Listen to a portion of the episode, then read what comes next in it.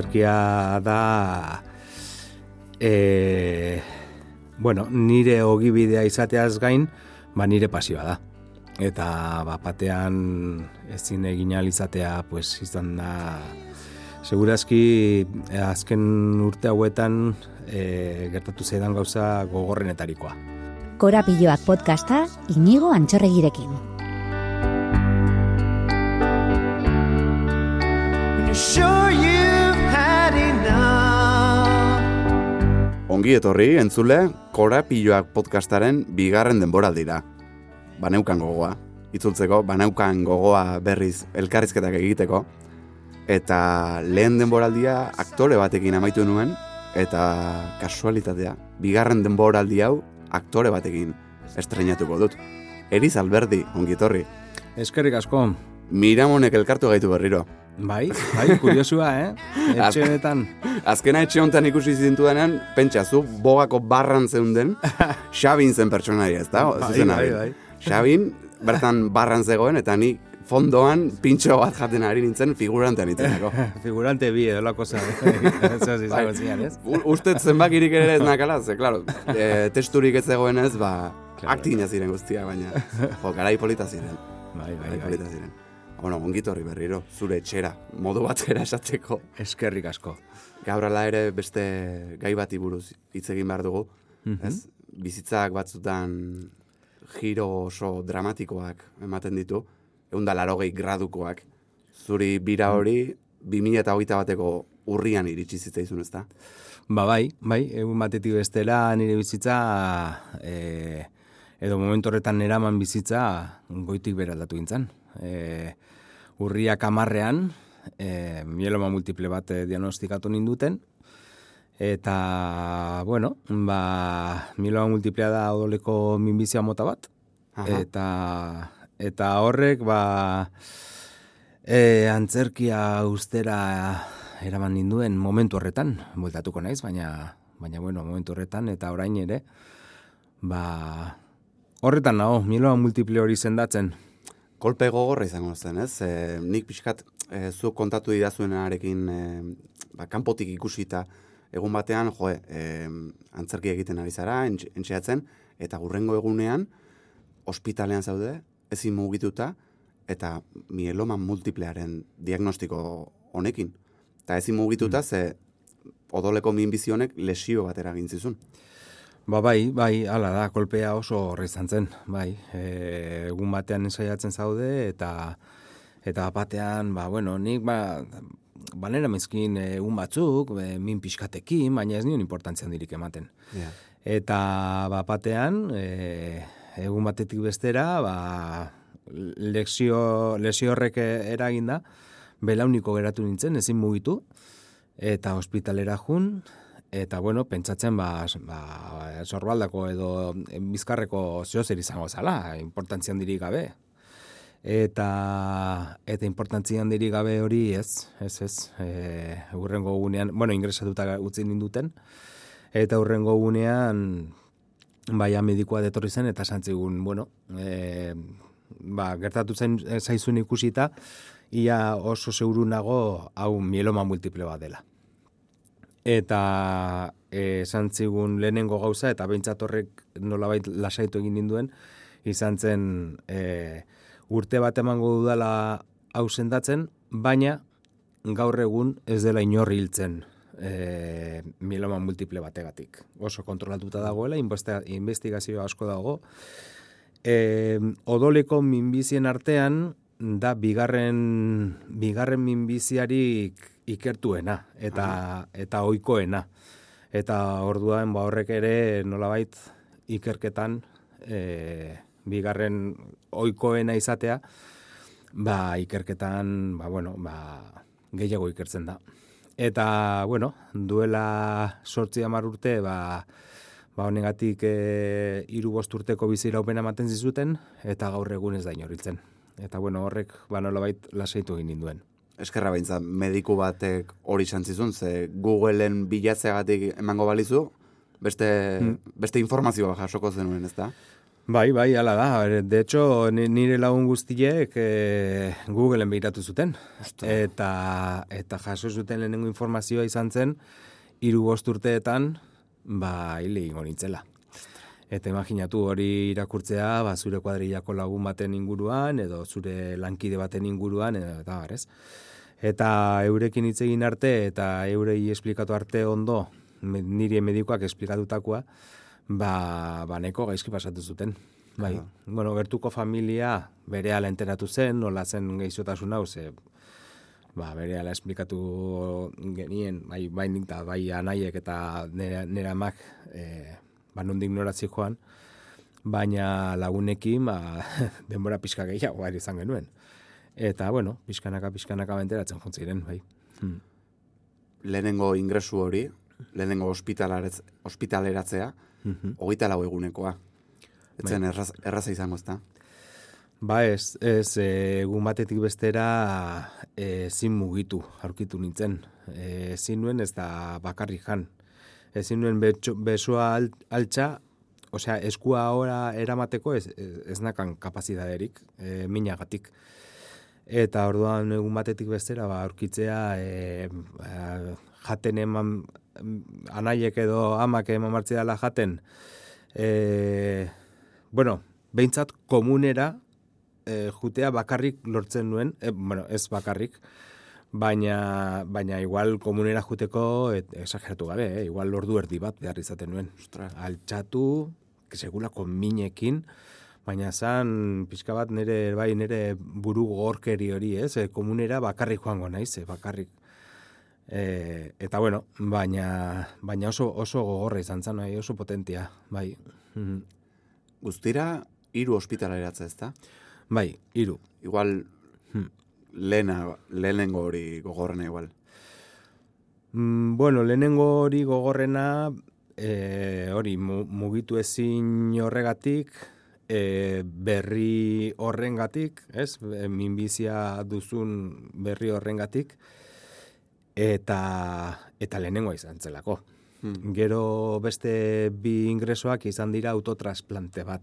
E, orduan hor fizikoki ja, e, ez, min, osea, lesio hori ja sendatuta zegoen, e, sei hilabete eman nuen e, arnez antzeko batekin, e, sorbalda zuzen, bueno, bizkarra zuzen edukitzeko, bueno, e, ez dakit nahi den, e, korse batekin, Bai. eta, bueno, behin hori, behin hori sendatuta, eta behin nahiko osatuta nengoela, kimio prozesua eta gero, pues autotrasplanteekin hasten zara. Eta autotrasplanteak, ba, bueno, izaten da, ba, bueno, ingresatu egiten zaituzte, e, burbuja batean, eta, eta mm, kimioa sartzen dizute, eta zure defentsak zerora eramaten dituzte. Eta gero sartzen dizute ama zelulak, zure ama zelulak, eta hori pixkanaka pixkanaka regeneratu egiten da zure gorputzean. Eta bi ingresoiek diferenteak izan ziren. E, behintzat mugitu nintzelako, eta bueno, ba, bizitza pixkat normala, pixkat, gelatik atera gabe, baina pixkat normalagoa egin ezakelako. Ideia bat egin dezakegu fisikoki nola egontzaren, kontatzen egontzarelako, baina psikologikoki nola kudeatzen da hau guztia. Ba, zaila da, zaila da. Ze bat batean aurkitzen zara e, zure o, momentu horre- horrera arte eraman duzun bizitza ba, goitik bera aldatuko dala.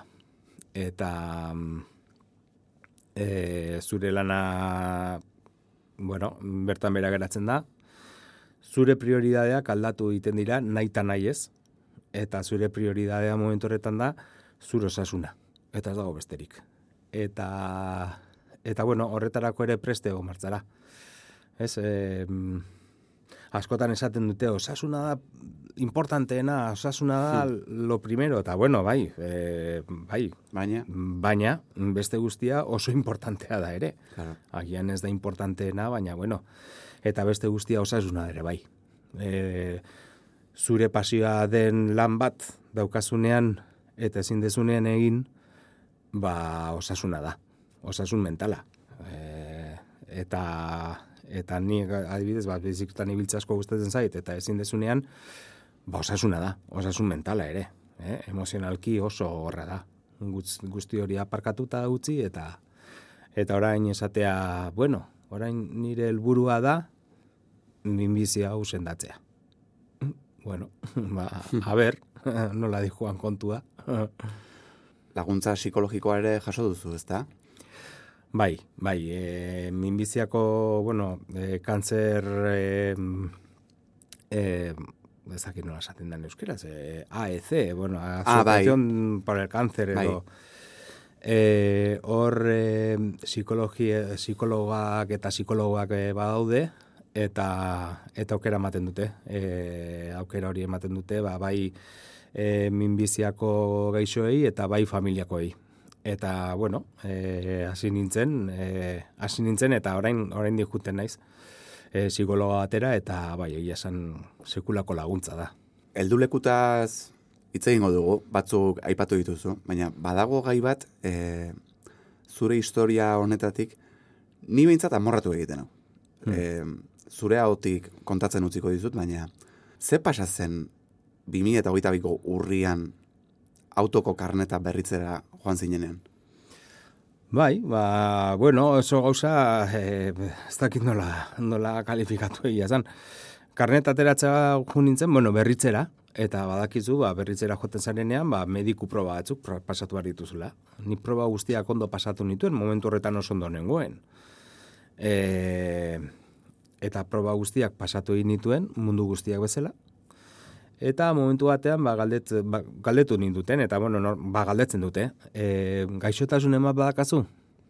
Eta, bueno, ba, nik esan nion, ba, baiet, ba, momentu horretan, miloma multiple baten e, trata, batekin ba, tratamenduan emilela, eta, eta arduan, emakumeak behiratu ninduen, eta esan zidan, jode, ba, tratamendu horrekin, ezin dizugu karneta eman Osea, karneta eman aldizugu, baina urte baterako bakarrik. Urtero berritu egin behar duzu, urrengo bost urteetan, beti zure minbizia horrek remisioan jarraitzen badu. Hau esan nahi du, igual hemendik lau urtera, rekaida bat baldin badaukat, ba berriro, ziklo guztia azten dala, eta beste bost urte, eta, claro, urtero ordaindu, ordaindu behar dute revisio guztio, revisio hori. Eta, bueno, eh, nolabait esateko nik e, sentitu nintzen pizka diskriminatuta. Ez da, nik pentsatzen dut eta pentsatu nahi dut medikoki edo ba, badagoela arrazoi on bat hori egiteko. Baina ezin dute bitatu diskriminatuta sentitze horri. Ze bati bat aukeratu ez duzun gauza bada. Claro, hori da. Eta ja nahiko joe, nahiko txarra da eta nahiko eh, bueno, nahiko, nahiko desgrazia handia ja bada eh zun minbizio bat edukitzea eta gainera horrelako gauza txikiak gehitzen juteko, ez? Bai. Eta ez bakarrik hori, ja ere bai, azten bara pentsatzen ekonomikoki ere, ba, claro, niri karneta gurrengo bost urtetan edukitzeko, ba, berreunda berroita mar euroko gastatuko dit. Claro. Baina eske horri gehituta e, hilabetero gastatu behar duan dirua e, botika hartzeko adibidez, ze botika batzuk ba ez dira merkeak, naiz eta e, osasun e, segurantzan sartuta egon. Baina, bueno, igual kaja bat berrogei, berrogei euro, berroi tamar, eta, claro, azkenean dena, dena, dana gehitu egiten du. Eta argumenturik gabe uzten zaituzte, ez? E, boletina atera eta horrekin Bai, nik, claro, nik bere ala galdetu nion, baina hau nola izan daiteke, zergatik da. Eta bere erantzuna izan zen, eske boen jartzen du, eta boen jartzen duene, duenez, ba, guk, ba, horrela da. Eta ezin dugu ezer egin. Eta baina, bueno, eta orduan minbizia doko gunok, e, osea, ba, kriston injustizia dakau, gaixotasunaz aparte, bai, bueno, bai, ba, horra da, horrela da, bai. Ah, bueno, vale. horrela da. Bai. Bueno, nik argi daukat. E, ez dakit igual, igual entzute, entzuten badute podcast hau, ja ezingo egin, baina, baina urren urtean, ba ez dute zer esango, eta listo. Galetzen diatenean, gaixotasunen badakazu, eh, ondo nago. Eta berse gertatzen den. Bai. Batzutan, jo, kosta egiten da sinstea. Bai. Mm, Hitz egingo dugu kontu alaiagoetaz. Venga. Lehen, bueno, bizitzan guztio ditugu e- heldulekuak, eh, esan dut. E, zuk pare bat aipatu dituzu, hasi gaitezen batekin. Hasi gaitezen bizikletarekin. Zer da, zer da bizikleta zuretzat eriz? Ba, niretzat bizikleta terapia da. Oso terapeutikoa da. Terapiarik onena, igual. Te- Onena edo behintzat onenetarikoa. bai, bai, hori lagunak eta, bueno, e, bai, e, ni biziketan duela, bueno, amaika urte nituenetik ibiltzen naiz, eta eta niretzat biziketa hartzen dudanean, ba, da momentu bat, nun pena guztiak egiten zaizkit, e, ez dakit endorfinak edo zergatik izango den, baina at- aurrekoan entzuten nuen tipo bati esaten zuela, nik ez dut biziketan ibiltzen duen inor triste ikusi, sekula. Eta eskegia da, egia da, e, niri bai gertatu zai, izan zait. Biziketan jute zarenean, e, gurutzatzen zean jendea edo aurreratzen dizuneak, eta ez daude, inor ez dago triste, deno goaz pozik, hitz egiten, irrifar batekin, eta bueno, ba, eske horrela da, bai, terapia, niretzat terapia da. Eta gaur egun berreskuratu dituzu txango horiek. Bueno, tarteka berreskuratu ahal izan dut, e, lehenengo autotrasplante eta bigarren autotrasplanteen artean e, hilabete pare bat lortu nuen, ba, astean bi hiru egun horrela, ordu eta erdi, hogei, hogeita mar kilometro berrogei egunen batean egitea. E, eta orain, ba, bueno, orain ja momentua berriro hasi naiteken momentu hori da ja pizkat ondo sentitzen hasten naiz, ja defentsak ere pizkat altuago dauzkat, eta orduan, ba, bueno, ba, orain da momentu hon bat, berriro bizikleta hartzen edo hartu ahal izateko momentu bat. Txakurzale bezala. Bueno, txakurzale eta txakur jabe bezala. Nor da Klaus, eriz? Bueno, Klaus segurazki da nire lagun onena, fidelena hori euneko eunean, bai bera niretzako eta ni berarentzako, eta, bueno, Klaus nirekin bizi den txakur bat da, duela amabi urte. E, sei aste zituela hartu nuen, eta ordutik, ba, bizitza, el, e, bueno, e, elkarrekin eman deu. E, oso de, oso momentu gutxitan e, e, aldendu gara. Ba, bueno, bueno, badakizu ba, ni aktoria izan da, ba, jirak eta egin beharra izaten, e, egin behar izaten ditut, eta igual Madrilean ikua, ez dakit nora, eta momentu horietan, ba, bai, ba, bueno, hor badago aian, badago e, residentzia kanina bat, e, Manterola, diala, bueno, mai, Klaus maite dute, Klaus entzat bigarren etxea da. Eta Klaus izugarri maite dute, eta Eta bueno, ba, momentu horietan bakarrik eh, aldendu gara, bestela bizitza elkarrekin egin dugu beti. Gauz, azkenean, e, bueno, minbizi honek ekarri du, ez? E, ba, batzuetan bai edo bai elkarren handik urruntzea, ospitalean zaudelako, baina baita ere aholkatu zizutelako, ez? Defentsa bas, ba, basu zeuden, zeudenez, Hmm. e, animaliarik ez egotea alboan. Bai, bai, e, ospitaletik atera nintzenean, e, bigar, lehenengo autotrasplantea eta gero, ba, defentsak oso basu, e, o- defentsak oso basu dituzula ateratzen zara. Eta orduan, ba, gomendatu zidaten, ba, bueno, txakurra etxean egotearena, ba, etzela soedeia ona, ba, bueno, ba, virusak eta lako mobidak, eta, bueno, ba, arriskutsua izan daitekela. Orduan gomendatu zidaten, ba, iru, bi, iru lau astez, e, bueno, ba, aldenduta egotia. Eta, eta bai, ba, bueno, gogorra, gogorra ze gainera ospitalean zaude eta ez dezu, ez dezu hori espero. Hmm. Pentsatzen duzu, ba, alta ematen dizutenean, ba, berriro etxera bueltatuko zarela, eta ba, bizitza kakotxa tartean normalera bueltatuko zarela, eta ez, ez da horrela. Ba, batean, ba, hori, esaten dizute, bueno, txakurra igual hobeto, eta gero, bueltatzen danean, ba, bueno, ba, vale, ba, baina e, kontuz, ez, ez gerturatu zure orpegia bere orpegira, e, kontuz ikutzen duzunean ber, gero eskua garbitu, bueno, mo- movida bat. Baina, bueno, ba, azkenean osasuna osasuna da, eta ez dakazu beste aukerarik. Ez? Mm. Faltan asko bota zarete orduan. Asko. Asko. Be, berak zuri ere, bai noski. bueno, ala pentsatu nahi dut. Nik badakit hotelian dagoenean oso oso ondo goten dela eta bere bere roiora, baina baina bai, seguro pentsatuko zula, baina tipo non sartu da beste azte. Normalean bi hiru egun uzten dauenean, da batean hilabete terdiz, eh, hostia egongo da egiten. Seguro. Eta hirugarren helduleku bat, antzerkia. Bai. Antzerkia ere faltan botako duzu, ezta? Ba, pilo bat, pilo bat. E, antzerkia da, e, bueno, nire ogibidea izateaz gain, ba, nire pasioa da. Eta, ba, batean ezin egin izatea, pues, izan da, segurazki, azken urte hauetan, e, gertatu zaidan gauza gogorrenetarikoa.